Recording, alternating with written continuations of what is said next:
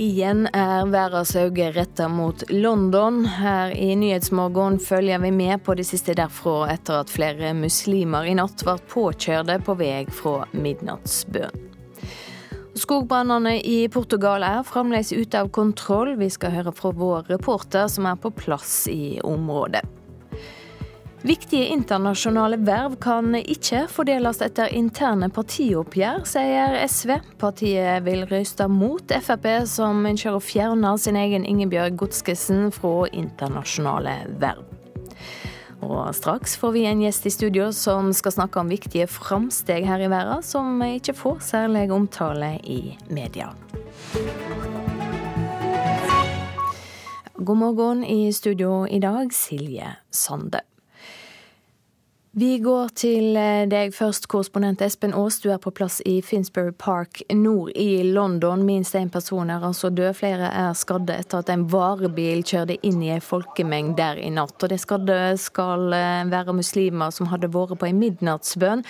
Hva sier politiet, Espen, om det som skjedde? Nei, Det vi vet eh, er at eh, det i natt, altså rett etter denne midnattsbønnen eh, her ved den store moskeen i Finsbury Park, var en hvit varebil som kjørte langs veien som vanlig, men plutselig så tok den av og måkte da rett inn i mengden med folk som kom fra denne bønnen. Tallene som nå så langt er bekreftet, er altså som du sier én drept, og så er det åtte skadd. Eh, politiet kom relativt raskt til stedet. En mann er eh, arrestert. Eh, og selvfølgelig spekuleres det jo i om dette er et eller annet slags svar fra noen på tidligere terrorhendelser her i London. Dette er jo nå den tredje i London på relativt kort tid. Den fjerde her i Storbritannia siden slutten av mars. Og de tre foregående terrorhendelsene har jo alle da eh, hatt en tilknytning til islamsk terror. Ja, kan vi slå fast at det er snakk om et terrorangrep? Den eh, behandles i alle fall som et terrorangrep. Det er antiterrorpoliti som er satt inn i etterforskningen. Det er mye politi på, på stedet her, og de har stengt av hele dette området der hvor bilen kjørte inn, som da ligger Eh, mellom eh, den store eh, Finsbury Park-stasjonen og moskeen her oppe i Nord-London. Hva vet vi om sjåføren av denne bilen? Det eneste som har fått forklart, er at dette var en, en mann som, hadde, som da kom ut av bilen etter å ha meid ned folkene. Som, han ble beskrevet som en, en, en mann med, med tatoveringer av et øyenvitne. Eh, utover det så er det eh, lite som er kjent. Han skal være 48 eh, år. Og nå skal han gjennomgås, avhøres av politi, og også helse, hans mentale helsetilstand skal, skal gjennomgås. I tidlige øyenvitneskildringer har det vært sagt at to andre var med i bilen som har løpt fra stedet, men dette har politiet nå avvist. Hva konsekvenser kan dette angrepet få? Nei, Dette forklarer jo, forteller jo dessverre om at uh, London er en, en by med uh, mange uh, sterke meninger om hva som har skjedd her de siste månedene etter terroren på London Bridge og Borough Market og tidligere Westminster Bridge og, og Manchester. Kanskje kan dette være noens reaksjon på de hendelsene. Eh, eller så kan dette være en hendelse som er planlagt uavhengig av det. Dette er jo altfor tidlig å kunne eh, konkludere noe som helst om. Til slutt, Espen, eh, fortell litt om moskeen der dette angrepet skjedde. Ja, så Dette er jo en stor moské her oppe i, i Nord-London, i, i, Finsbury Park-området, med eh, mange tilhengere. Det er mange som bor her oppe i, i dette området, slik at dette var jo dette var jo et, eh, et, område med, eh, et, område hvor det bor mange eh, muslimer. Og mange av de var da til stede på denne messen i natt. Takk så langt, korrespondent Espen Aas.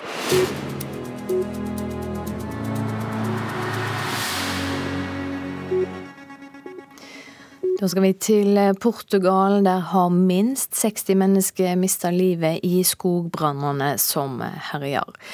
NRKs reporter Roger Severin Bruland måtte sjøl flykte fra flammene på vei til Petrogao Grande. Vi kjørte inn til eh, Pedregal eh, Grande. Eh, skulle bare svinge av motorveien. Og da sto motorveien, altså den Pedregal Grande, i full fyr. Og i dekning da under motorveibroa og så faktisk skogbrannen bevege seg langs med motorveien og bare fortsette forbi. Hvordan opplevde du å være fanget av flammene? Ja, Det var selvfølgelig en skremmende opplevelse. Eh, men når jeg endelig kommer da til eh, den åstaden 20 km lenger inn, så var, der var jo brannen over. Men du kunne jo skjære lufta med kniv fortsatt. Det er veldig masse røyk og vanskelig å puste. Og Der har jo eh, brannmannskapet holdt på. Og det er satt opp feltsykehus og veldig vanskelige arbeidsforhold. Roger Severin Bruland til kollega Andreas Krantz. Sosialistisk Venstreparti vil røyste mot Frp-framlegget om å fjerne Ingebjørg Godskesen fra to internasjonale verv når saka skal opp i Stortinget i dag. Godskesen trasser sitt eget parti i avrøstingene om kommunesammenslåinger. Det er årsaken til at FrPs stortingsgruppe nå vil erstatte henne i disse vervene. Men viktige internasjonale verv kan ikke fordeles etter interne partioppgjør, sier SVs Bård Vegar Solhjell. Så SV kommer til å gå imot den endringa Fremskrittspartiet foreslår. I Europarådet representerer man Norge, ikke et parti. Og Ingebjørg Godtkesen har gjort det på en god måte, bl.a. i forhold til Tyrkia. Det vakte oppsikt da Godskesen fulgte hjertet i stedet for partiet, og stemte mot tre kommunesammenslåinger. I helgen kom nyheten i VG om at Frp vil at hun byttes ut som vararepresentant i Europarådet og i Nordisk råd. Saken må imidlertid opp i Stortinget. Solhjell oppfordrer de andre partiene til å gå mot en utskifting han mener bunner i interne forhold i Frp. Stortinget må heve seg over det og vise her at det er ikke greit å bruke stortingsverv som straff internt i Fremskrittspartiet. Parlamentarisk leder i Frp, Sverre Tom Nesvik, svarer i en SMS at det er vanlig at det er partiene selv som bestemmer hvem som skal fylle slike verv. Det er SV som driver et politisk spill, og ikke Frp, som har hatt en demokratisk prosess i gruppen, skriver han. Reporter Katrin Hellesnes. Så en kikk på avisframsidene i dag, 19. juni. Vi var minutter fra å bli brende levende, sier et norsk ektepar som bor i Portugal. Da vegger av eld nærmer seg fra flere kanter, kasta de seg i bil og kjørte for livet, skriver Aftenposten. VG avslører at en norsk ambassadør kaller hjem fra Indonesia. Ifølge avisa innleder Stig Tråvik hemmelige forhold til tre lokale kvinner. En av dem mottok 1,4 millioner norske bistandskroner. Sjøl sier han at avisa si framstilling av saka er gal. Forretningsmannen Petter Stordalen utfordrer næringslivet i Dagbladet og ber dem om å tilsette unge Nav-klienter hull i CV-en, og mangelfull erfaring betyr egentlig ingenting, mener Stordalen. Bærum kommune planlegger å avvise oss, tror Fredrik Eldåhagen i renovasjonsselskapet Trilex. Firmaet fikk en feilsendt e-post etter at de hadde kravd å få være med i en anbudsprosess, skriver Dagens Næringsliv. Eldåhagen mener e-posten avslører skittent spill, og kaller det et av de groveste overtrampene han har sett. Den tidligere sjefen for Etterretningstjenesten etterlyser en ny forsvarsplan i Klassekampen. Kjell Grandhagen mener regjeringa har sett for stramme økonomiske rammer for hær og heimevern i Norge. Og også Dagsavisen har Grandhagen på framsida. Han frykter at den kommende utgreiinga om landmakta blir et pust i sivet. Melkemann på vann og brød er overskrifta i Nasjonen. Bonden Gustav Koht er dømt til 14 dagers fengsel for salg av upasteurisert mjølk. Han angrer ingenting. Adresseavisen skriver om tre trønderske IS-farere. En av dem er en 33-åring fra Verdal som bare ville dra fra alt og starte et nytt liv. Han har åtte års utdanning, har sendt over 150 søknader, men får ikke jobb, skriver Bergens Tidende. 29 år gamle Daniel Hagebø bor hjemme hos foreldrene sine, og kjenner at hele livet er sett på vent. Og soknepresten i Gann kirkelyd i Sandnes snur i synet sitt på homofile, forteller Stavanger Aftenblad. Nå vil Gunther Theis sjøl via homofile i kirka si. Han mener Bibelen åpner for likekjønna ekteskap.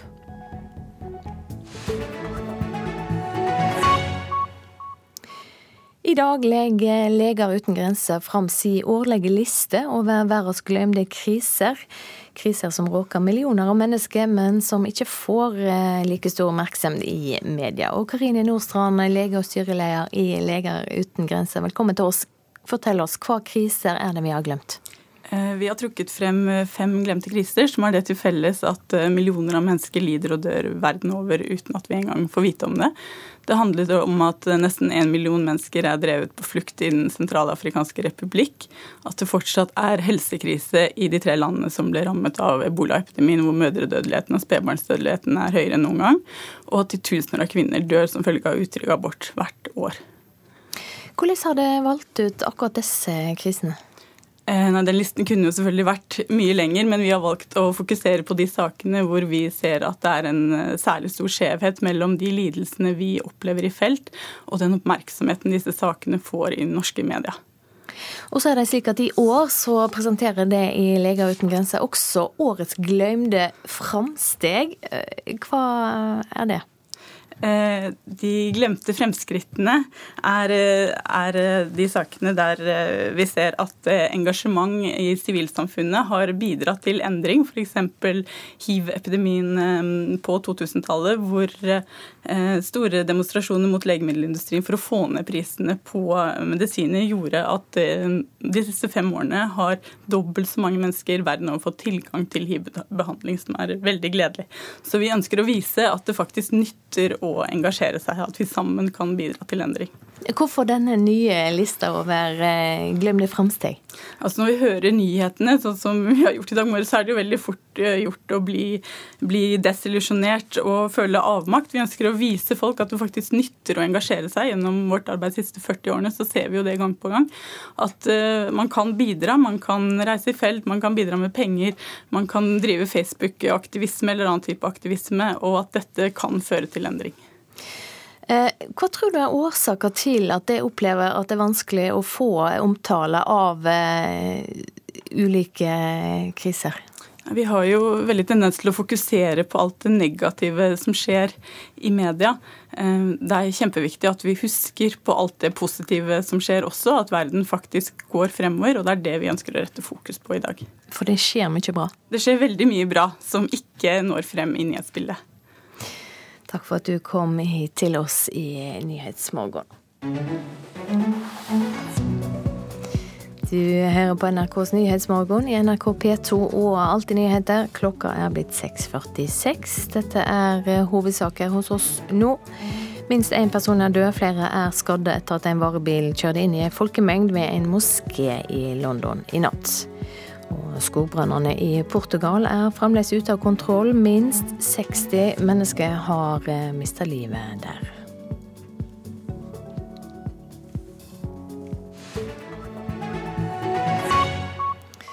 Ja, Vi skal eh, tilbake til det som skjedde i London i natt. En 48 eh, år gammel mann eh, er pågrepet etter å ha kjørt inn i en folkemengde utenfor en moské. og Flere ligger nå skadde på sykehus. Reporter Elisabeth Onsum, hva mer vet vi om dette? Ja, så Dette skjedde natt til i dag. Det var eh, muslimer som hadde vært eh, på en midnattsmesse i en moské i forbindelse med ramadan. Eh, da det plutselig kom en hvit varebil som kjørte rett inn i, inn i en folkemengde. Den hadde egentlig stø kurs, men plutselig så skeinet den inn i folkemengden. Flere ble behandlet for skader på stedet, og én er bekreftet død. Ehm, de andre ble kjørt til tre forskjellige sykehus eh, i London. Ehm, politiet ehm, pågrep denne 48 år gamle mannen. Vi vet ikke noe særlig mer om identiteten hans, men han blir utredet eh, for sin mentale helse, har det blitt opplyst. Og Politiet sier også nå at de etterforsker dette som, eh, som en potensiell terrorhandling. Og antiterrorpolitiet leder etterforskningen nå.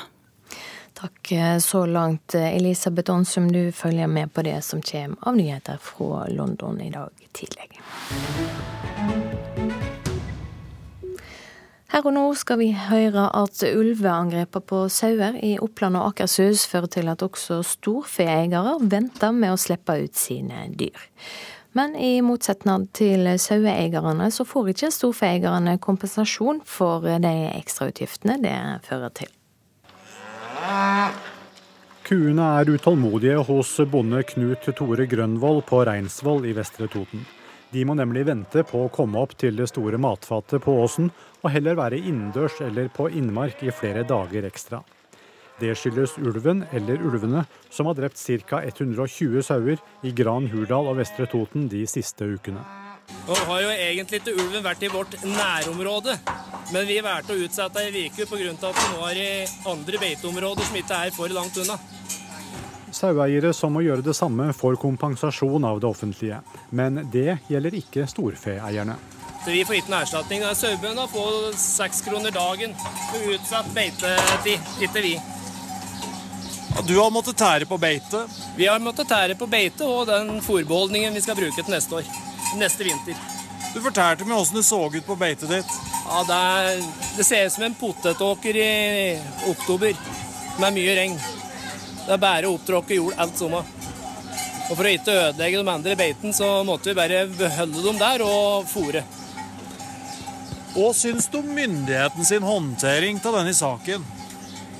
Myndighetens håndtering til denne saken her er en eh, tragedie. Det er en skam at de ikke kom på banen tidligere og satte inn tiltak før.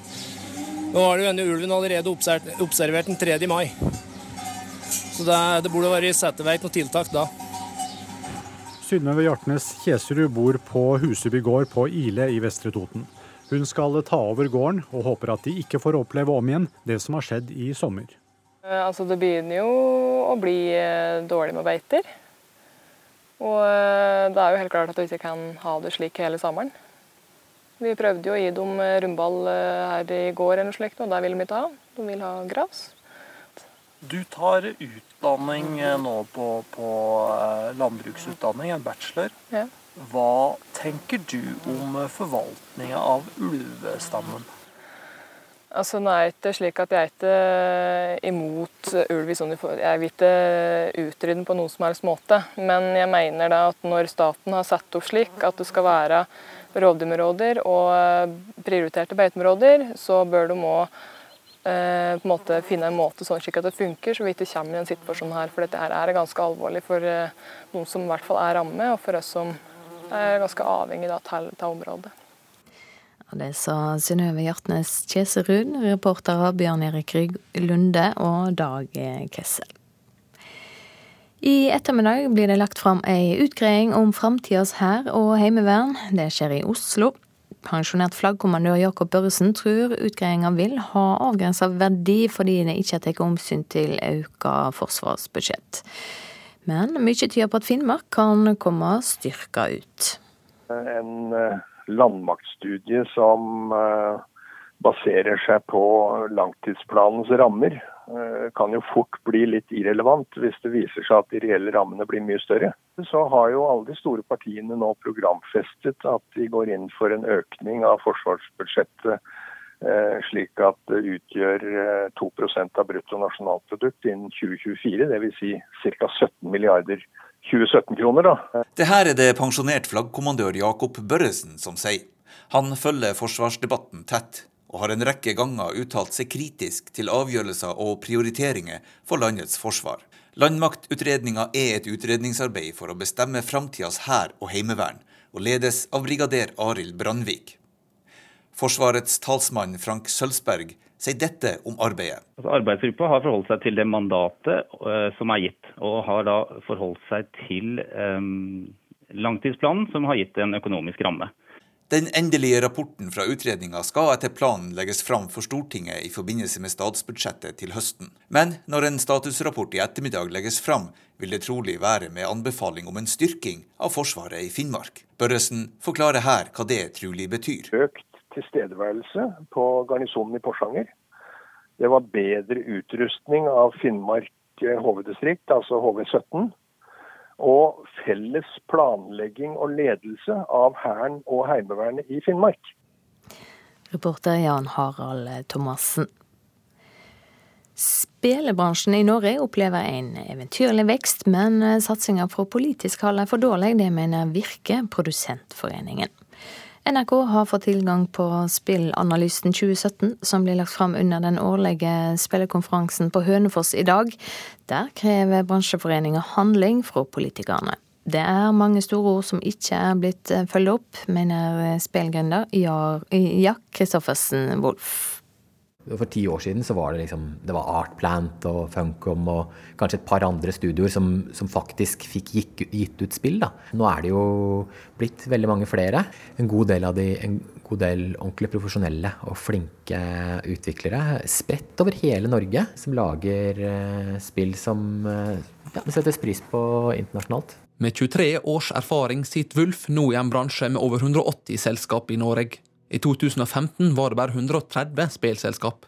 Som daglig leder i Artplant har Wulf fått høre mange lovord og store ord, men møtt lite handlekraft fra politikere i alle farger. Det er en god forståelse der på at jo, dette er kulturpolitisk viktig, dette er næringspolitisk viktig, og at uh, dette her er noe som, uh, som, vi vil ha mer av. Det å ta den, den ønsken og faktisk gjøre det til politiske virkemidler som gjør at hverdagen for spillprodusenter blir viktigere, der er det et stykke jobb som trengs å gjøres.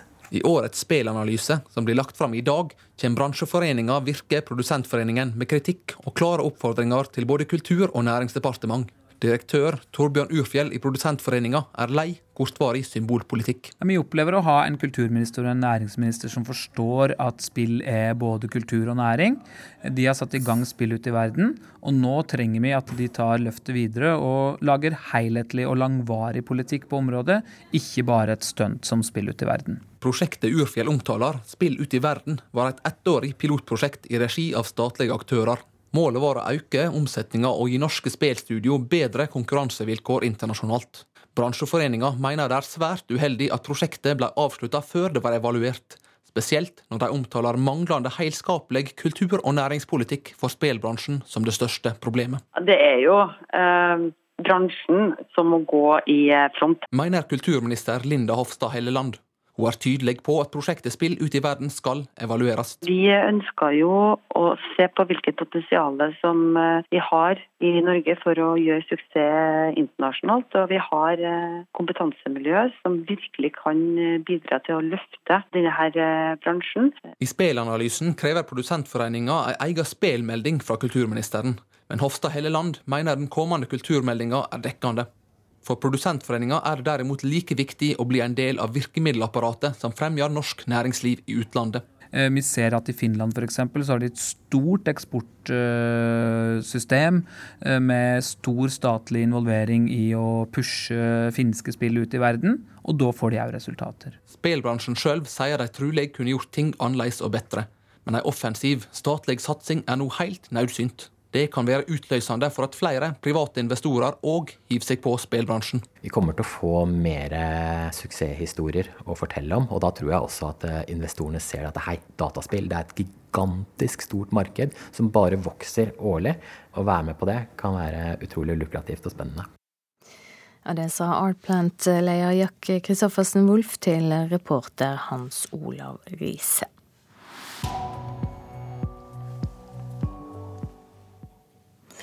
Vi skal ha været straks, men først skal vi høre at en lege ved Sørlandet sykehus er oppsagd fordi han flere ganger skal ha sett på journaler han ikke hadde rett til å se.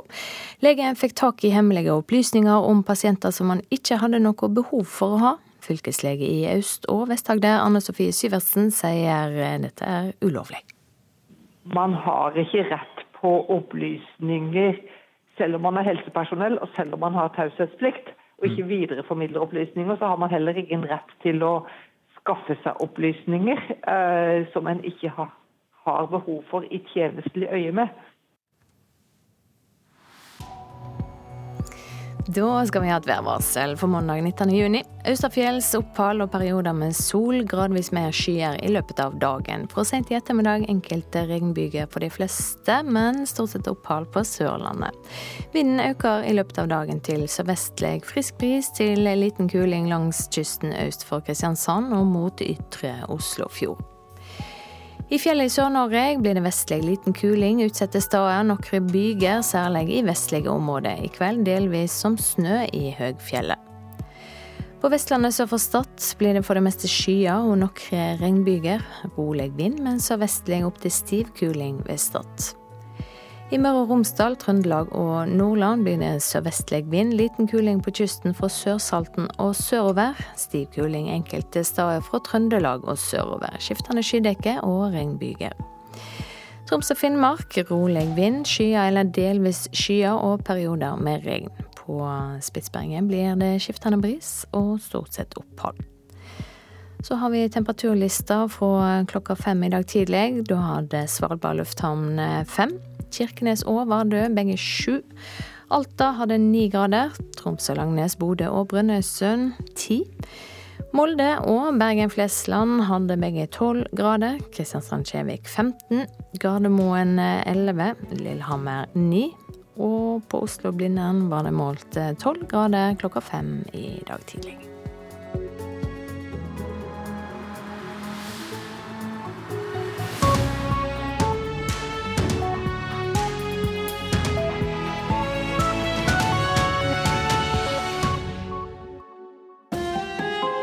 Hør ekko. Verdens første hydrauliske industrirobot, altså oing, oing, oing, var norsk.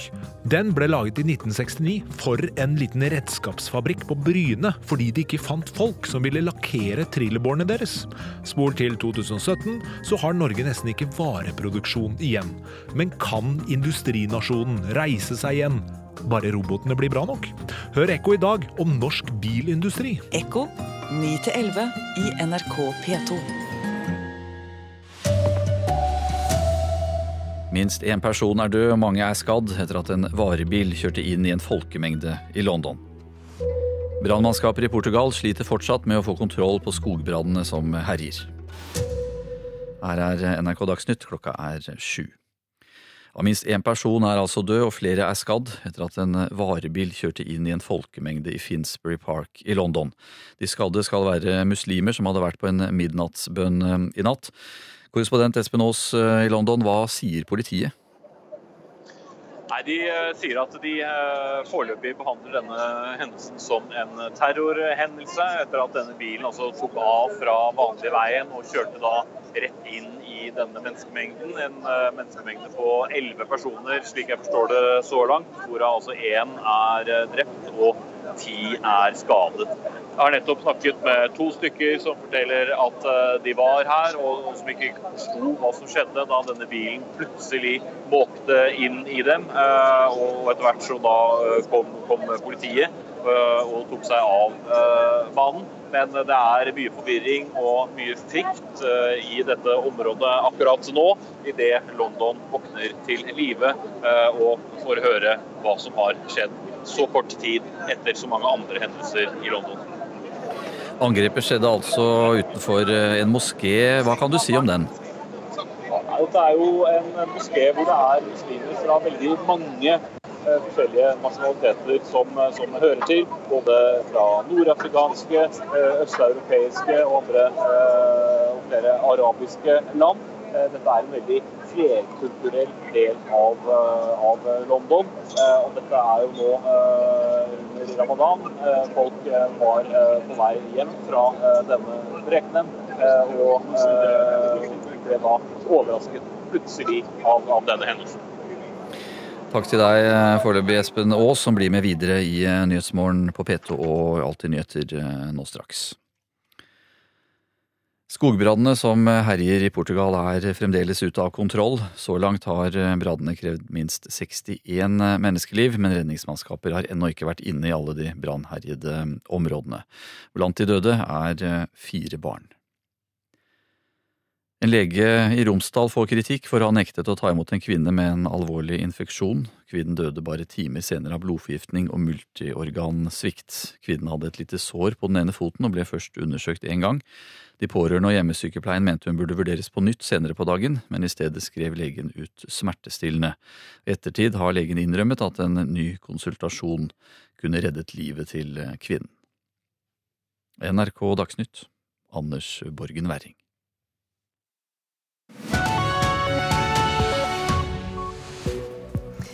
Her i Nyhetsmorgen følger vi med på siste nytt fra London. En varebil kjørte altså inn i ei folkemengd der i natt. Vi skal også til vår reporter i Portugal. Han er på plass for å følge utviklinga av de dramatiske skogbrannene der. Og i Frankrike har president Emmanuel Macron sikra seg rent flertall i nasjonalforsamlinga, men bare 43% av franskmennene deltok i parlamentsvalget.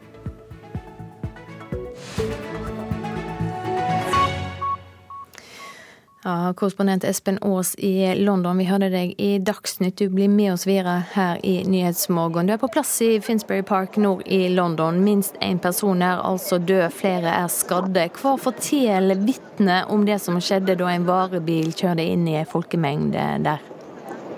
Nei, De eh, som jeg har rukket å snakke med, fortalte at det var eh, god stemning.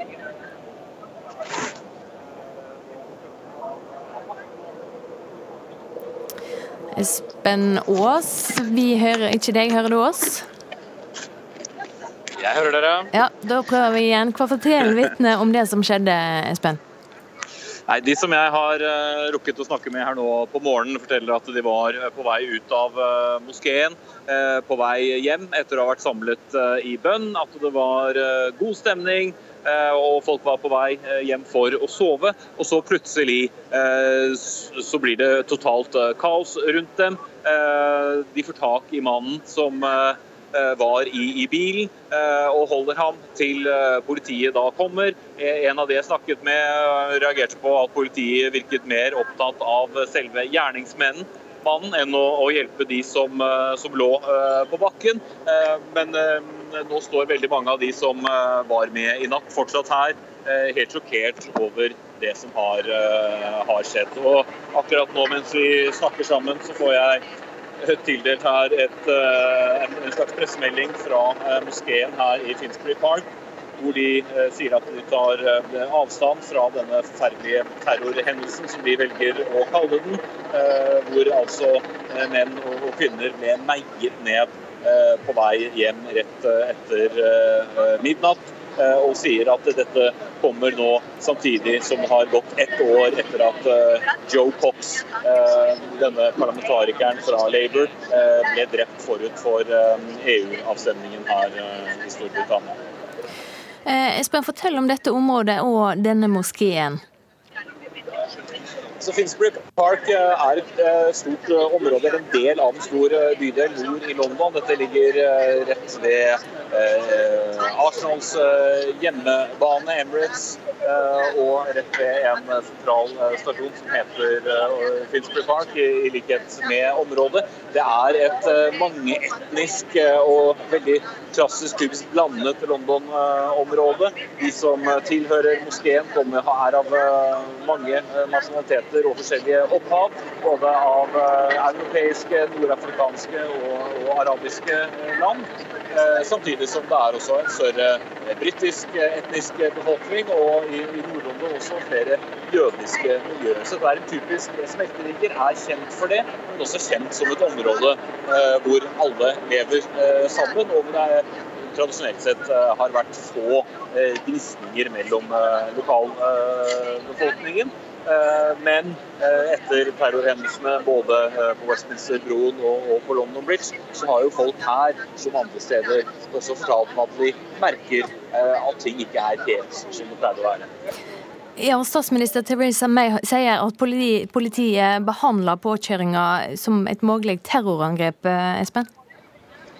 Ja, det blir jo behandlet uh, som det ut fra hva som faktisk skjedde. Øyenvitner har jo beskrevet at denne bilen plutselig uh, tok av fra veibanen, uh, tok inn til venstre og da fløyde inn i eh, menneskene som gikk eh, på vei hjem fra eh, moskeen. Eh, nå blir eh, mannen som er arrestert, både avhørt og hans eh, mentale helse også sjekket. Men inntil videre så regner man dette som en terrorhendelse. Takk så langt, Espen Aas. En person er altså død, åtte er skadde og sendt til sykehus. To andre fikk behandling på staden for lettere skader. Så skal vi til Portugal. Der er skogbrannene fremdeles ute av kontroll. Så langt har eh, flammene kravd minst 62 menneskeliv. Men redningsmannskap har ennå ikke vært inne i alle de brannherja områdene. Roger Severin, eh, Roger Severin Bruland, du er fremdeles i nærheten av området der det brenner. Hva var det som skjedde da du sjøl opplevde dramatikk i natt? Ja, Da var jeg på vei inn til den eh, landsbyen som var eh, hardt eh, råka i går, Pedragao Grande. Og ble stoppa av politi, for da kom skogbrannen rett og slett rett over veien foran meg. Og også bak.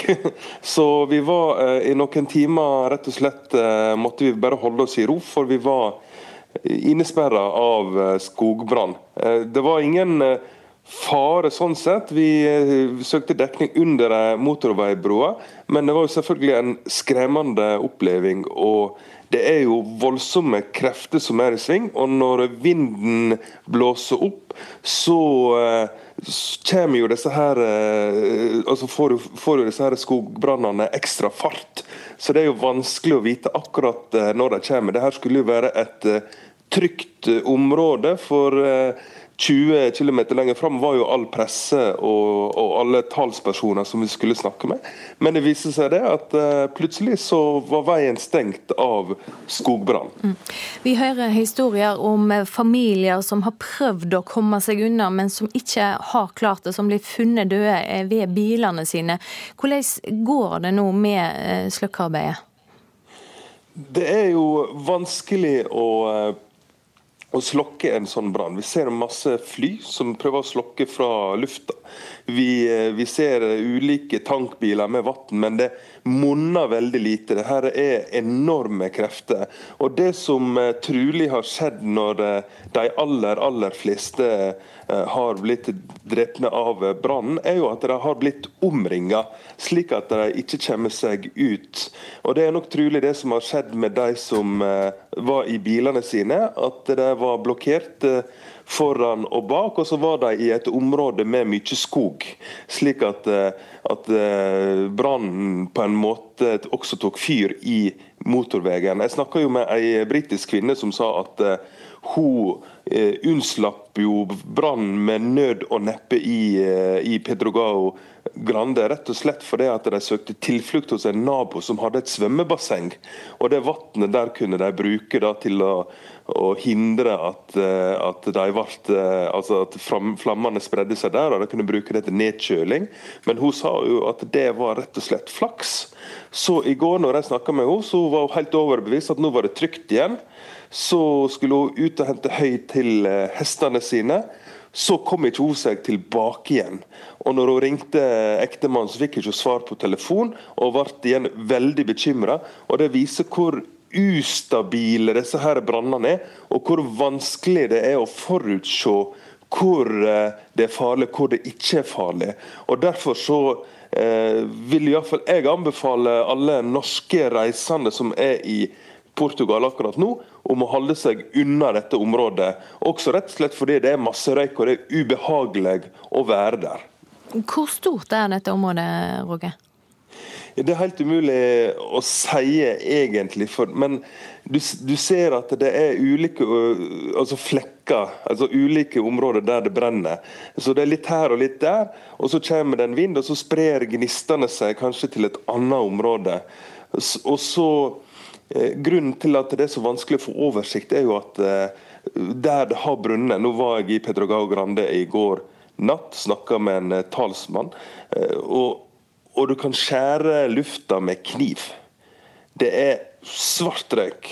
Og det, du ser ingenting når du kjører, så er det som å kjøre i skodde.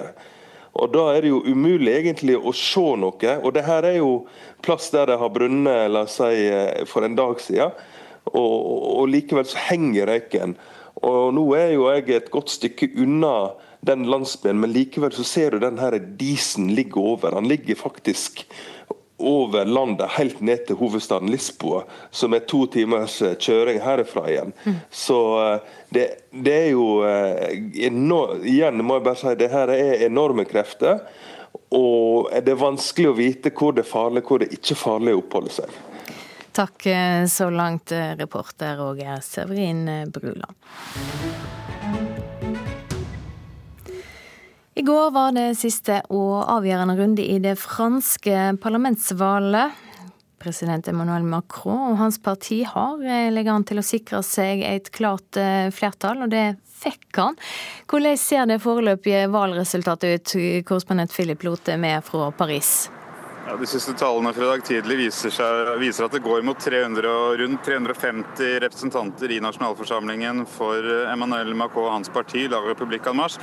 Dette er noe lavere enn estimatene like før valget viste, men det er likevel en klar majoritet og da et eh, styringsgrunnlag som gjør at han sannsynligvis nå med ganske stort mot og relativt ambisiøst kommer til å gå løs på sitt reformprogram, sine planer for å modernisere Frankrike. Eh, og I tillegg så skal jo da regjeringen velges inn på nytt. Eh, det var seks av ministerne i hans eh, foreløpige regjering som var på valg i går, og alle ble valgt inn i parlamentet. Og Det er også en tillitserklæring til de og til, til det arbeidet som Macron har gjort til nå. Men dette gir også en mulighet for eh, utskiftning for Macron, selvfølgelig. Han kan bytte litt på folk.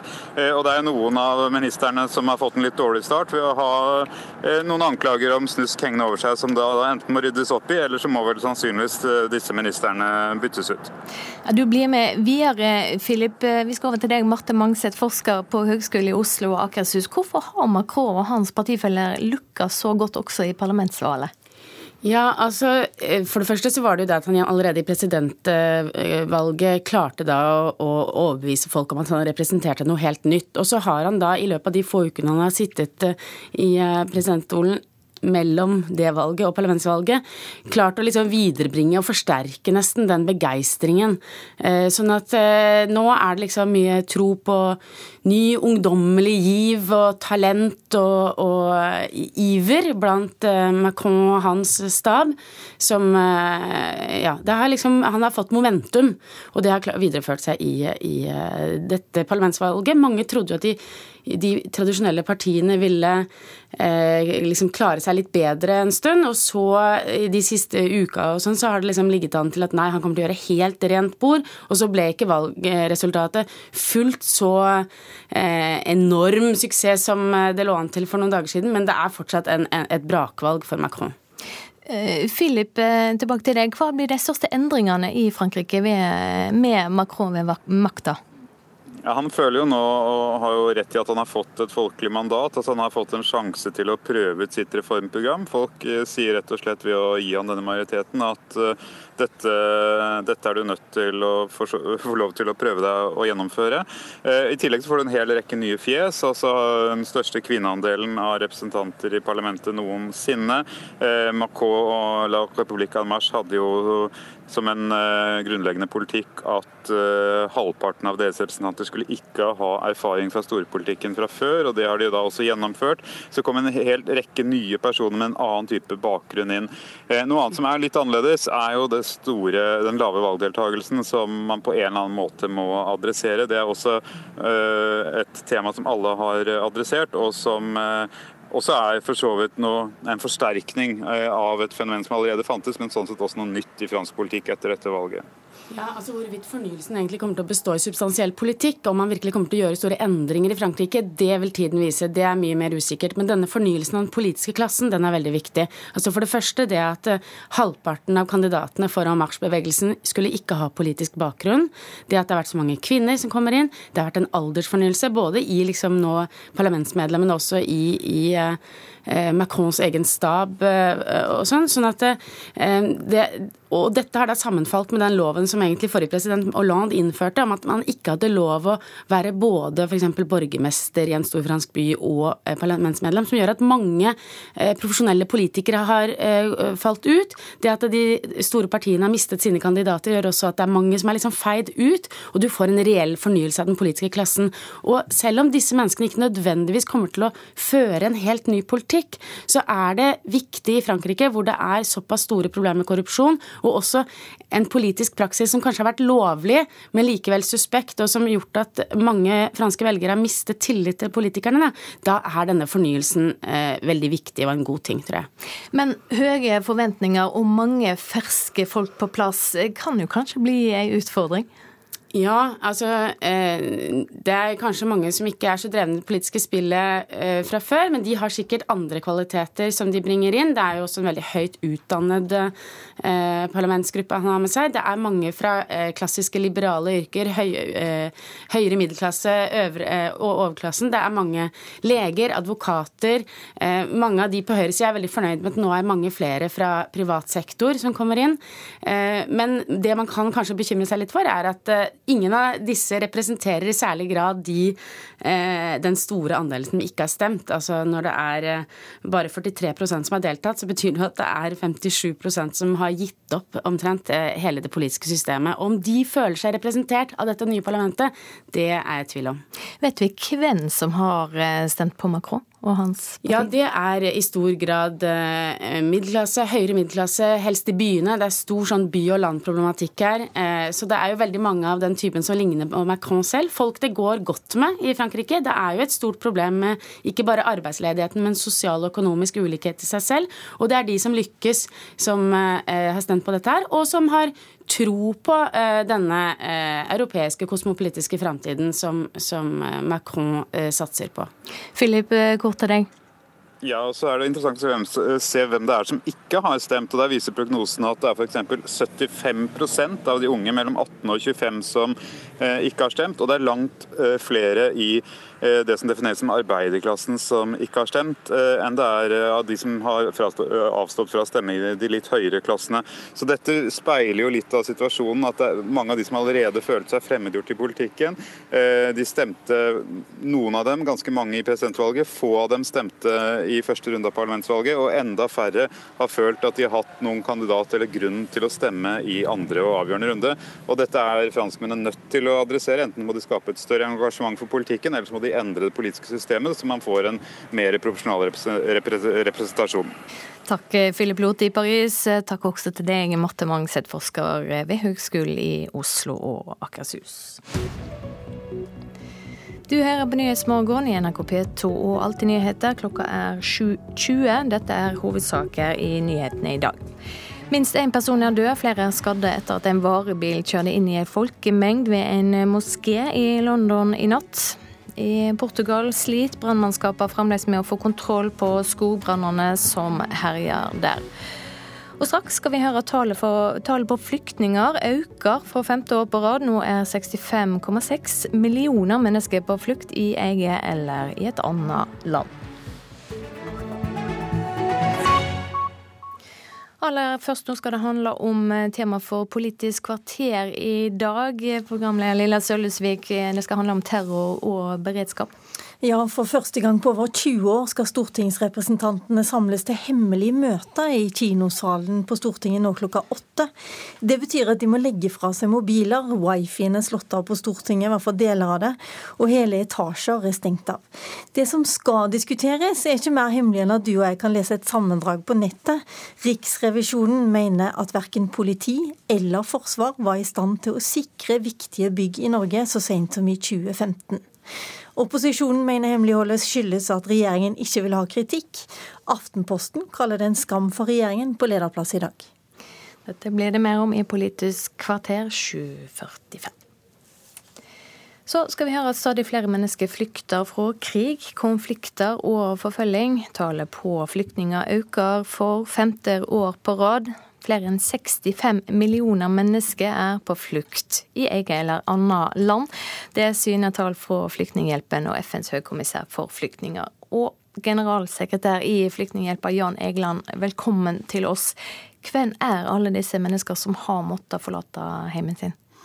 Det er jo mennesker som oss, eh, familier. Eh, et flertall er kvinner og barn. Og de er eh, på alle kontinenter.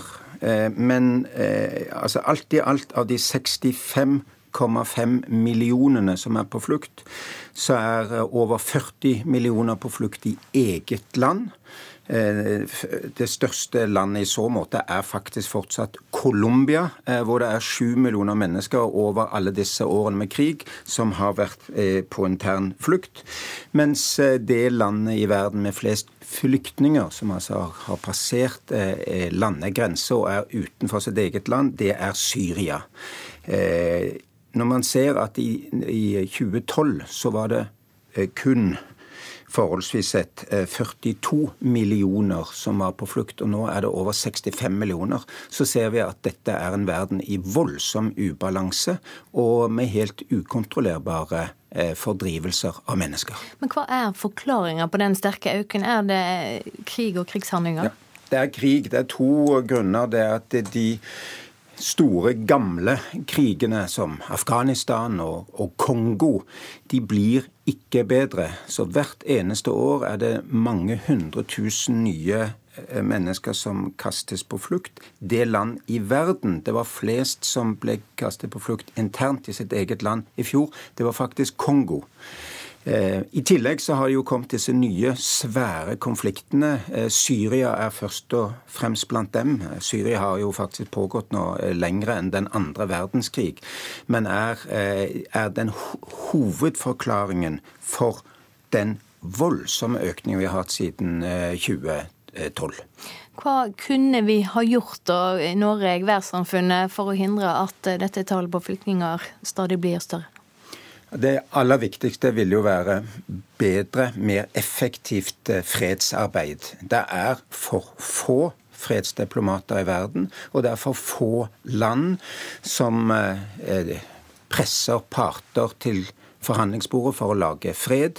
Og det er for mange land som bærer eh, bensin til bålet det ser vi nettopp i, land som Syria. Eh, det er ikke mangel på våpen som strømmer inn i landet. Støtte til de to sidene, eller de mange sidene som nå slåss.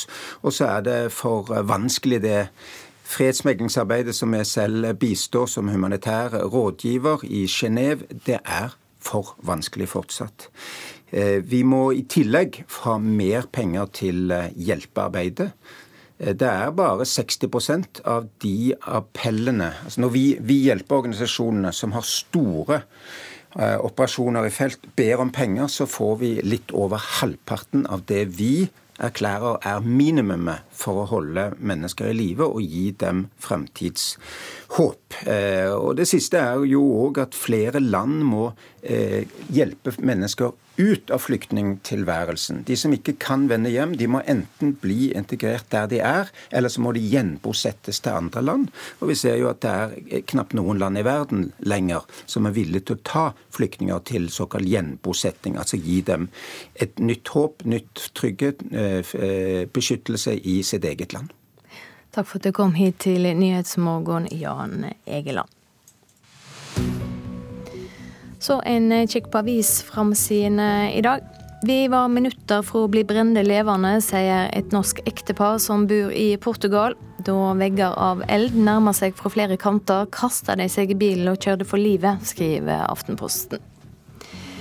VG avslører at en norsk ambassadør er kalla hjem fra Indonesia. Ifølge avisa innleder Stig Tråvik hemmelige forhold til tre lokale kvinner. En av dem mottok 1,4 millioner norske bistandskroner. Sjøl sier han at avisas framstilling av saka er feil. Forretningsmann Petter Stordalen utfordrer næringslivet i Dagbladet. Ber de om å tilsette unge klienter. Hull i CV-en og mangelfull erfaring betyr egentlig ingenting, mener Stordalen.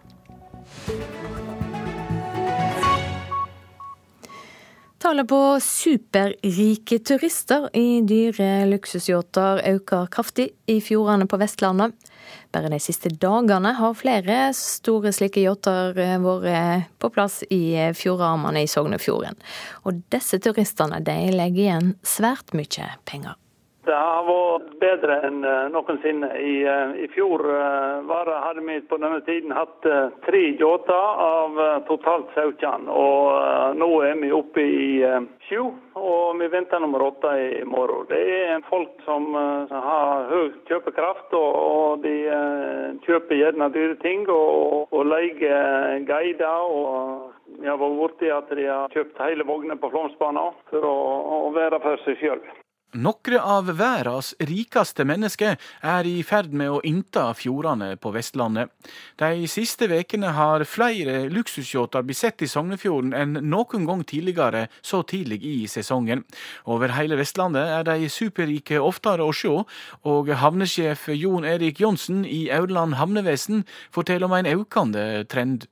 Det er båter som, som koster mellom 500 og 1, 1 milliard kroner. Det er båter på 80 meter lange og med all slags eh, fasiliteter om bord. Med helikopterdekk og det er flere årsaker til at yachtene med det pengesterke publikummet blir flere i fjordene våre. Noe kommer hit som et resultat av et målretta markedssamarbeid gjennom selskapet Norway Superyacht Services, som ulike reiseselskap i Sogn er aksjonærer i. Sognefjorden er en naturlig destinasjon for de aller fleste av disse yachtene, men det hender de reiser innom Dalsfjorden eller stogger langs kysten i Kalvåg. Ellers er Hardanger, Lofoten og Svalbard populære destinasjoner. Norway Superyacht Services står for 15 av båtene som kommer til Sognefjorden i år, ifølge Ola Alexander Lilloe Olsen, som er rådgiver og kjentmann. Havnesjef Johnsen i Aurland sier gjestene kommer fra hele verden. Det er jo eh, folk fra, eh, fra både Amerika og Asia som, eh, som er om bord. Det, det, det, er jo folk som, som har mye penger. Jeg har ikke vært borti at det er noe spesielt kjendiser, men det er jevnt over direktører og eiere av store firmaer. Yachtene og folka om bord legger igjen mye penger, og en av de som jubler, er ordfører Norav Distad, tidligere reiselivssjef i Aurland og Lærdal. Vi ser at de besøker også de andre fjordene. Inne i Fjærland f.eks. så ser jeg ofte at de samme er der, eller de kan være i Baldestrand eller innover Lustrafjorden osv. Slik at eh, de reiser jo rundt i området for å se. Det er jo òg veldig flott, for det betyr jo òg at eh, det ikke bare Flåm og Aurland som nyter godt av det, men eh, disse oppsøker òg de andre plassene rundt omkring i Sogn Fjord-området. Reporter her Odd Helge Brugran.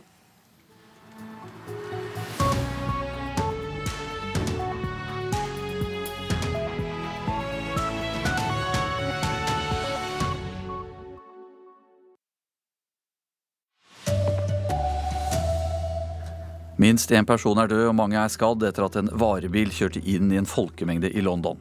He wasn't ill, no? No, he was not ill. No, he was, And he was, not drunk. He was a terrorist. Skogbrannene i Portugal er fortsatt ute av kontroll. SV blander seg inn i hva Frp bruker stortingsrepresentantene sine til. Her er NRK Dagsnytt, klokka er 7.30. Én person er altså død og flere er skadd etter at en varebil kjørte inn i en folkemengde i London i natt. Politiet kaller hendelsen en potensiell terrorhandling. Øyenvitner forteller hvordan de opplevde dramatikken da flere mennesker ble meid ned på gata. Drove on the pavement coming straight towards all the Muslims and he as as he's coming to them he hit all of them and I think one of them died. Øyenvitnet forteller hvordan han så varebilen kjøre inn i folkemengden som nettopp hadde avsluttet midnattsbønnen i en moské. En person ble drept og flere ble skadd. One of them died straight away. Straight away, one of them died, and then the rest are in, in a bad condition. So can you give me how many people did you see lying injured on the floor? Trying to remember. About seven, eight. And they were seriously injured. Seriously injured. En kvinne forteller hvordan hun opplevde dramatikken. Det er våre brødre og søstre som har blitt rammet, sier hun. I mean, people in the mosque pray. It's Ramadan. We don't need this. You know, I don't know why they're doing this. So upsetting. Sorry, I'm because we don't know. Sisters, brothers of ours, all, I don't know. I'm just really upset. Sorry. Politiet har pågrepet en 48 år gammel mann og etterforsker nå hendelsen som en potensiell terrorhandling. Øyenvitnene i Finsbury Park er ikke i tvil om at det dreier seg om en terrorhandling. He done it on purpose. The terrorist, tell him. Of course, it's a terrorist attack. He's a terrorist, yeah. It's a terrorist attack. He wasn't ill, no. No, he was not ill, no, he and he, he was, was not drunk. He was a white he terrorist. He, he was on the floor about five minutes. That's People it, was holding it. him. Reporter her, det var Elisabeth Onsum. Korrespondent Espen Aas i London, du har også snakket med folk som så det som skjedde. Hva sier de? Nei, De forteller jo om eh, forferdelige scener idet denne bilen helt uh, uten forvarsel måkte inn i, i, i folkemengden uh, her. Uh, dette er jo da under ramadan, og de var på vei for å drikke te, drikke kaffe. Etter da midnattsbønnen ved den store moskeen her. Og folk er nå veldig veldig opprørt. Og som vi hørte i innslaget, så er også veldig mange opptatt av å si at dette er terror, og de er veldig redde for at dette skal bli dysset ned og kalt for noe annet. Ja, De som ble påkjørt var altså muslimer, hadde vært på en midnattsbønn. Hva vet du om eh, denne moskeen som de hadde besøkt? Nei, Som en uh, muslim som jeg snakket med, som ikke ønsket å, å stå frem uh, med, med, navn, sa, eh, og var redd for, er at det har vært såkalte hatpredikanter som har brukt denne moskeen tidligere for å komme med hatefulle ytringer og oppmane til terrorhandlinger. Og Han sa kanskje er det det som har gitt noen idé. Det han så var redd for, er selvfølgelig at nye hatpredikanter nå skal oppfordre andre igjen til å slå tilbake, og at vi skal skal ende opp med å få en form for voldsspiral her i London mellom de forskjellige miljøene. Hva sies eh, om eh, den eller de som eh, står bak dette her? Nei, Det er jo foreløpig veldig uklart hvem denne personen er. Denne 48-åringen som politiet har i sin varetekt. Han blir jo avhørt på, på, vanlig måte. og Det er også sagt at han skal Eh, undersøkes eh, mentalt for å se om han var mentalt frisk, og hvorvidt dette var en, en eh, nøye planlagt handling som var planlagt for å drepe og skade folk. Takk skal du ha, korrespondent Espen Aas. Så kan vi også fortelle at det er en ekstrasending på NRK1 som pågår nå i forbindelse med dette angrepet. Den sendingen kan du også følge på nrk.no. Vi skal til Portugal nå. Der herjer skogbrannene fortsatt, og brannmannskapene har ikke kontroll. Så langt har brannene krevd over 60 menneskeliv. Reporter Roger Severin Bruland, du er i nærheten av der det brenner. Du opplevde dramatikken i natt også. Hva var det som skjedde? Ja, det stemmer. Det var når vi kom eh, hit i eh, går kveld, så skulle vi eh, opp til det senteret der, for å snakke med talsmenn, og der andre medier var samla i Pedragao Grande. Da, var, da sto rett og slett motorveien i brann. Altså den avkjøringa til Pedragao Grande, 20 km derfra. Så brant opp i lia, og brannen hadde spredt seg ned på veibanen. Politiet hadde sperra av. Og vi kom oss verken eh, fram eller tilbake og måtte vente der i to timer i påvente av at brannen brant seg forbi oss, slik at de kunne åpne veibanen igjen. Det var jo en eh, ganske så skremmende opplevelse. Hvordan eh, går det med slukkingsarbeidet nå? Ja, Vi ser eh, fly, vi ser tankbiler som kjører rundt. Her er jo en massiv operasjon som blir koordinert av politiet og innenriksministeren. Men det er klart det er lite som monner om at disse voldsomme kreftene en ser denne skogbrannen. Når vinden tiltar, så øker skogbrannen i fart, og det er helt umulig å kontrollere. Så det politiet gjør, er jo å patruljere alle veier for å hindre at en sånn tragedie skjer igjen, der eh, bilister blir eh, innesperra og at de blir drept av eh, røyk og, og brann. Det kan fortsatt skje, men politiet, vi ser politi, brannvesen er ute. En har også eh, til dels litt kolonnekjøring, som vi kjenner fra, fra Vinterfjellet, for å trygge trafikken her i akkurat det området. Takk skal du ha, Roger Severin Bruland, som altså er i området der det brenner i Portugal skal til Frankrike nå, for um, franskmennene gikk i går uh, nok en gang uh, til valg. Denne gang uh, til den siste og avgjørende runden i valget til ny nasjonalforsamling. Og Korrespondent Philip Lote, um, hvordan gikk det? Ja, President Emmanuel Macron og hans eh, parti, La République en Marche, eh, fikk det flertallet som eh, de ba om å få for å sette i gang sitt reformprogram og modernisere Frankrike. Flertallet ble ikke like sterkt som det noen av målingene har vist, men likevel godt nok, og kanskje litt bra, for det er litt enklere å styre en litt mindre gruppe enn den enorme gruppen han kunne ha fått, men likevel et klart flertall. Det går mot 350 mandatrepresentanter av 577. Og så tar vi også med at Marine Le Pen, leder for Nasjonal Front, har kommet inn i parlamentet for første gang, og at også ytre ytre venstre nå klarer å etablere en partigruppe. Sammen med allierte så fikk deres lederfigur Jean-Luc Mélenchon inn ca. 30 representanter. Så det blir spennende å se hvordan opposisjonen klarer å drive politikk nå, i og med at La Republica Marche kommer til å dominere parlamentet argumentet såpass sterkt. Det var ikke all verdens oppmøte i dette valget denne andre runden heller, Philip. Hvorfor eh, møter ikke franskmennene opp? Det blir jo diskutert, og ytre venstres lederfigur Jean-Luc Mélenchon mener jo at mange av de som eh, ikke stemte i sine valgkretser, ikke hadde noen kandidat å stemme på. At mange av dem egentlig ville ha foretrukket en type person som han selv. Eh, og at eh, det dermed må, man må vurdere det politiske systemet så man får en større grad av profesjonalitet. Eh, og så er det jo også mange som tok for gitt at Macron kom til å få denne kjempeseieren. At det ikke var noe stort poeng å gå og stemme. Det kan jo til og med ha vært noe de som ønsker Macron inn, og har tenkt. At han vinner jo uansett, så vi kan nyte sommerværet. Men vi får se. Det kommer til å bli mye diskutert fremover, og man ønsker en høyere valgdeltakelse også i parlamentsvalget. SV her hjemme vil stemme mot å fjerne Ingeborg, Ingebjørg Godskesen fra Frp fra to internasjonale verv når saken skal opp i Stortinget i dag. Det er FrPs stortingsgruppe som går inn um, for dette, etter at hun trosset partiet og stemte mot kommunesammenslåinger.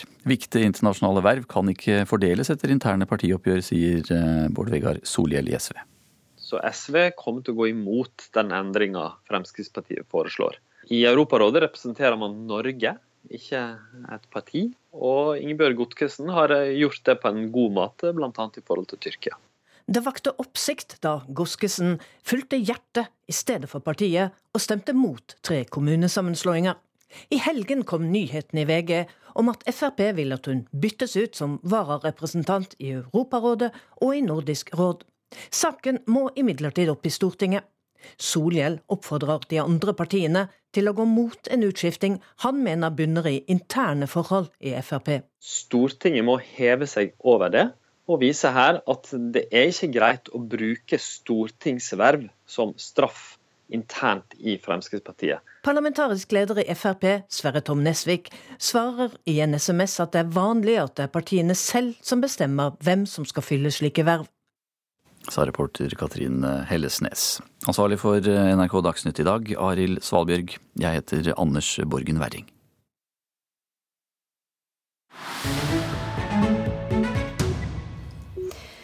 Tusenvis møtte opp da det største opposisjonspartiet i Tyrkia starta på sin protestmarsj denne helga.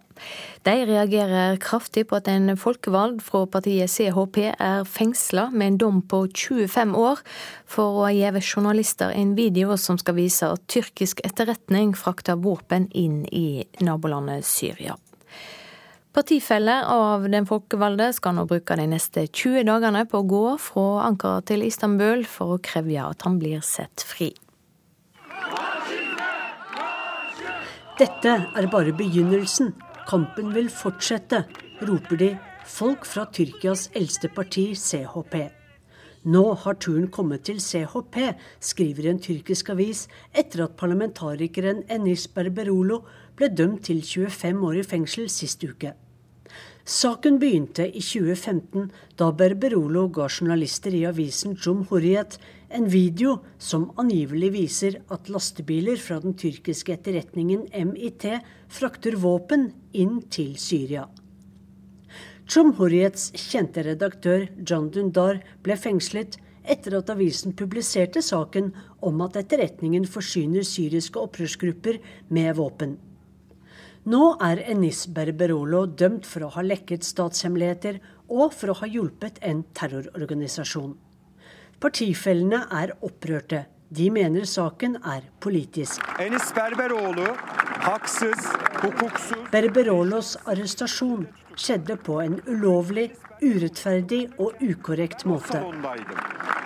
Jeg var i rettssalen, og dommeren greide ikke engang å forklare seg på en overbevisende måte sier Barishar Kadash, folkevalgt fra Istanbul, til Associated Press.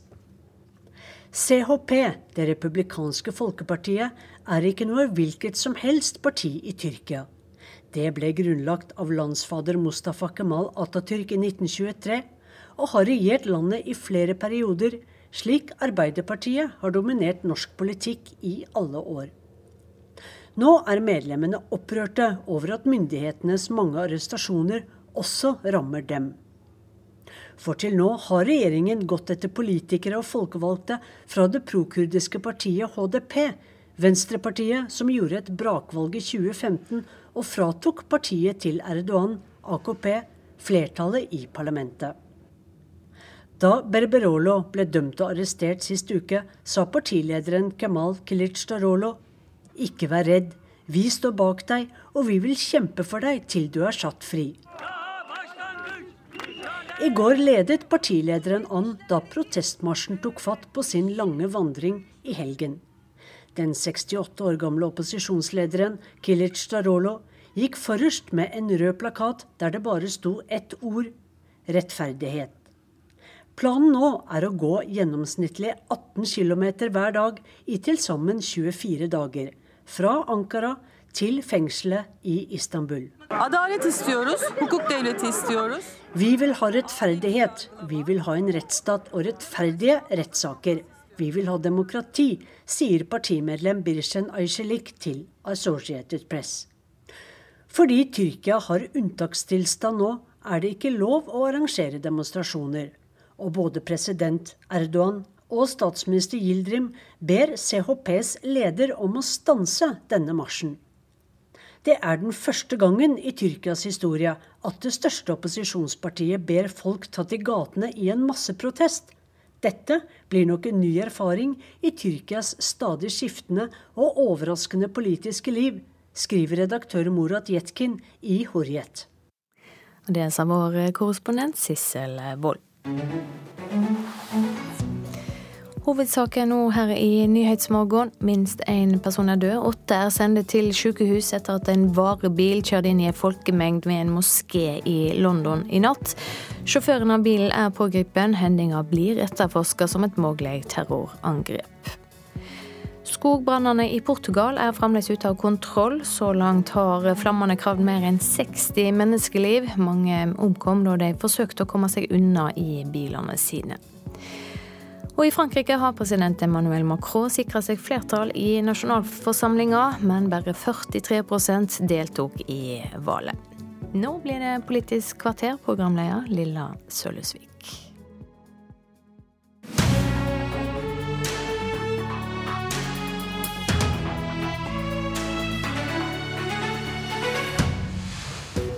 Mobiler og klokker skal legges igjen, etasjer er avstengt, og datanettet er satt ut av drift på deler av Stortinget.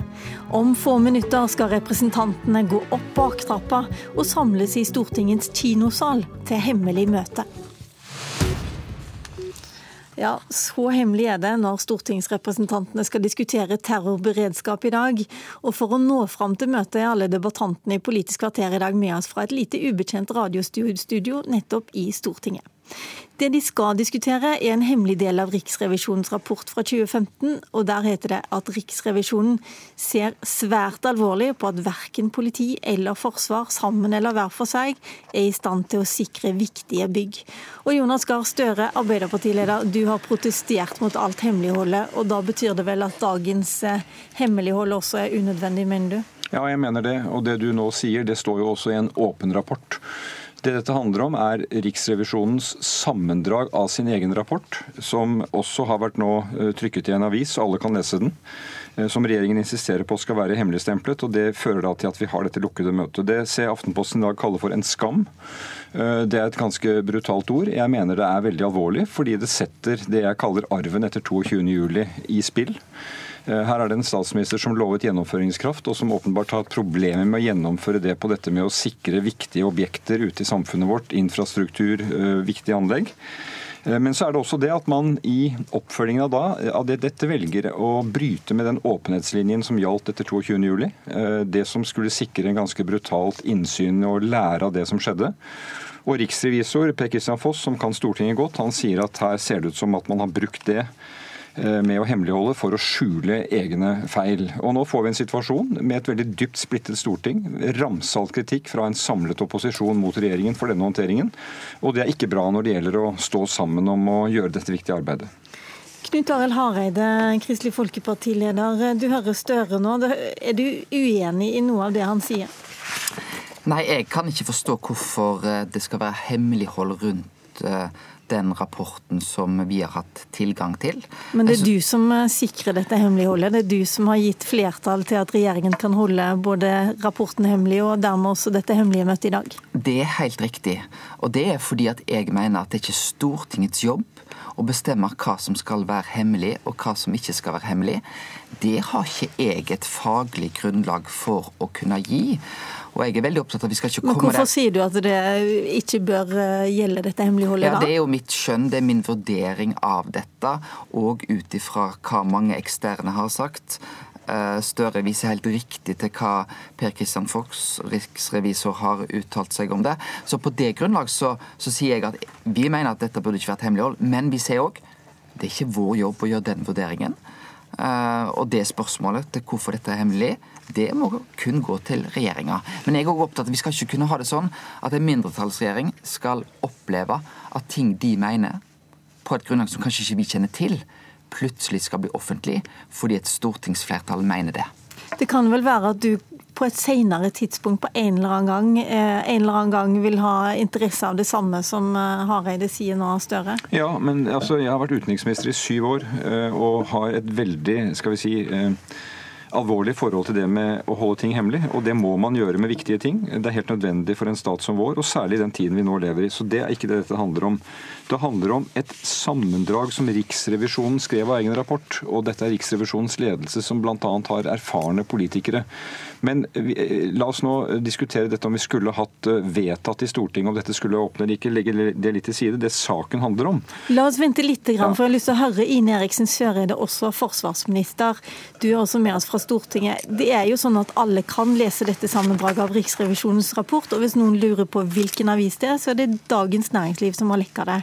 Det ligger på nettet. I tillegg har altså 169 stortingsrepresentanter fått dokumenter hjem til lesing i helga. Tror du ikke nå at fremmede makter for lengst har fått tilgang til den rapporten og det som står der? Dette er jo et langt mer komplekst spørsmål enn et ja- og nei-spørsmål. og jeg tror det er viktig å rydde litt her. Hovedrapporten fra Riksrevisjonen er det altså ingen som har foreslått å avgradere. Det kom også tydelig fram i Stortingets behandling i eh, plenum 25.4 av spørsmålet om Stortinget skulle overprøve den faglige vurderinga jeg har lagt til grunn fra bl.a. Etterretningstjenesten, om at det dokumentet Riksrevisjonen ønska å offentliggjøre, har klar etterretningsmessig verdi. Så dette dreier seg altså om et ytterligere sammendrag i tillegg til det sammendraget som allerede lå åpent. Og vi har hatt eh, to dager med åpen høring, vi har hatt én dag med lukka høring. Vi har hatt over 600 artikler og avis- og medieoppslag om saken. Det har vært bred offentlig debatt, og det er viktig. Spørsmålet her er om jeg som ansvarlig statsråd skal overprøve de faglige vurderingene som har vært veldig tydelige i denne saken, på at dette har klar etterretningsmessig verdi. Jonas Gahr Støre sjøl sa i den debatten vi hadde 25.4, at han anerkjente innlegget mitt, og ikke minst at han i grunnen var veldig enig i mye av det jeg sa vektla betydningen av alvor i disse sakene og det ansvaret jeg sitter på med å ta vare på landets sikkerhet. Og Da er det viktig at sikkerhet i Norge det er ikke bare objektsikkerhet, det er også informasjonssikkerhet. Og vi kan også risikere å gjøre objektsikkerheten dårligere ved å eh, degradere eh, informasjonssikkerheten. Objektsikkerheten vi snakker om å sikre bygg, kanskje vi bare ja. slår det fast. Mm. Men Støre, Stoltenberg-regjeringen fikk sterk kritikk. Vi skal gå inn på innholdet i denne rapporten. Stoltenberg-regjeringen fikk sterk kritikk etter 22.07 for ikke å ta beredskap alvorlig nok. Er det en slags eh, payback-time vi skal vente i Stortinget i dag og i morgen når dere skal diskutere dette åpent? Altså Overhodet ikke. Det var jo noe vi sa, og vi fikk kritikk for det. Og vi sto i den kritikken. Og så ble det fra Erna Solberg spilt veldig med høy profil i 2013 at når hun ble statsminister, skulle hun ta styringen. Her trengs det en statsminister med styring, sier hun. I 2015 så hadde hun ikke den styringen. Det er verdt eh, å påpeke. Men det eh, forsvarsministeren her sier, det, det tar i grunnen oppmerksomheten bort fra saken. For det som er alvorlig når det gjelder å bruke sikkerhetsloven slik regjeringen gjør, det er at du får denne mistanken om at de gjør det for å dekke over egne feil. Og når en mann som Per Kristian Foss sier det, så er det grunn til å tenke videre. Og når alle kan lese dette sammendraget i pressen og se hva som står der, så kan de tenke selv. Og jeg gjentar igjen, Forsvarsministeren må ta mange avgjørelser om hva som skal holdes hemmelig, men her er altså mistanken om at dette er for å dekke over egne feil, for stor. Jeg har aldri vært inne på tanken at vi skulle fremme mistillit mot regjeringen som følge av dette, for dette må vi fortsatt lære av. Men det som er alvorlig, det er at, og jeg, og jeg betviler ikke at det også gjøres mye bra arbeid, men når det reises så mye berettiget tvil om hva som egentlig var situasjonen i 2015, det er dekket over så mye, så kommer det alvorlige spørsmålet. Kan vi være trygge på at vi skal være i god situasjon i 2017? Og det, det det spørsmålet som ikke er godt besvart. Så la Ine Eriksen Søreide svare på det. Ja, vi er på et helt annet sted i beredskapen i 2017 enn vi var i 2015. Og dette er jo heller ikke en rapport om norsk beredskap og terrorsikring som helhet. Dette er en avgrensa del for 2015. Kan du vise oss noen åpne rapporter som beviser det? Altså, dette har vi jo belyst både i den åpne høringa og, i, eh, og for så vidt i den lukka høringa. Men Stortinget her har jo hatt all informasjon tilgjengelig hele veien, og kritikken og funnene har vært kjent for offentligheten, og det skulle også bare mangle. Men det jeg mener er viktig, er at vi gjennom den perioden vi har regjert, har vært veldig tydelige på behovet for å både styrke Forsvarets operative evne, det er viktig for både den militære og bistanden til den sivile beredskapen. Vi har styrka politiet betydelig, både med antall politistillinger og politihelikoptre og andre kapasiteter. Og dette gjør vi fordi det var nødvendig etter mange år med dårlig finansiering og dårlig fokus. Og jeg syns det er verdt å, å minne om hvis man først er inne på dette med objektsikring, at mellom november 2005 og 2012 så ble det altså ikke gjort noe på dette området med å melde inn nye nøkkelobjekter. Jonas Gahr Støre sjøl fikk, men Jonas selv fikk knallhard kritikk fordi at han da han var helseminister ikke meldte inn såkalte skjermingsverdige objekter som da kan beskyttes av men, men politiet og Forsvaret. Nå får du forholde deg til det som er realiteten i de fire årene du har styrt. Og vi er altså i en situasjon det hvor det er lang Jo, men altså nå får vi dette hemmeligholdet som skal dempe det nede. Pluss at vi nå nærmer oss slutten av perioden. Det er ikke satt spade i jorden for et nytt beredskapssenter. Ikke en krone er bevilget til kjøp av nye politihelikoptre. Det er det jo i revidert nasjonalbudsjett. Ja, men det er jo ikke i nærheten av å skulle finansiere de helikoptrene fullt ut. Og båtkapasiteten i beredskapstroppene er ikke blitt bedre. Så på en lang rekke områder er det hull, regninger er det skjøvet på. Og det bildet man da gir av egen innsats for beredskap, det har store huller. Og dagens lukkede møte i Stortinget gir ikke tillit til at det som skulle gjøres, er gjort. Ok, Jeg har lyst til å et, stille et spørsmål til deg, Knut Arild Hareide, du leder den 22. juli-kommisjonen på Stortinget. Og det er jo sånn at I dag skal dere diskutere sikring av bygg, og det er en revisjonsrapport fra 2015. Mens i dag våkner vi nok en gang opp til terrorangrep, antagelig terrorangrep, der en mann har kjørt inn i en folkemengde. Diskuterer dere egentlig litt gamle problemstillinger nå? Nei, jeg tror ikke det. Eh, fordi at Når regjeringa har valgt at dette skal være hemmelig, så mener jeg faktisk at dagens møte er viktig. Og Det er fordi objektsikring er viktig i et terrorperspektiv, dessverre. Og Det vi òg diskuterer, er jo at eh, vi sa at samarbeidet mellom politi og forsvar skulle bli bedre. Rapporten som kom da fra Riksrevisjonen i 2015 slår fast at sånn hadde det ikke gått. Så har det skjedd noe i etterkant av 2015. Men det er jo noen år fra 2011 til 2015 det er nettopp det den kommisjonen vi hadde på Stortinget, Gjørv-kommisjonen, det regjeringene har uttalt, både Stoltenberg og Solberg-regjeringa eh, har vært så tydelige på, det hadde ikke realiteten skjedd. Så jeg mener det er en viktig debatt vi har. Jeg skulle veldig gjerne hatt den åpen. Den beslutningen om hva som skal være åpent eller ikke, det mener jeg er regjeringens beslutning.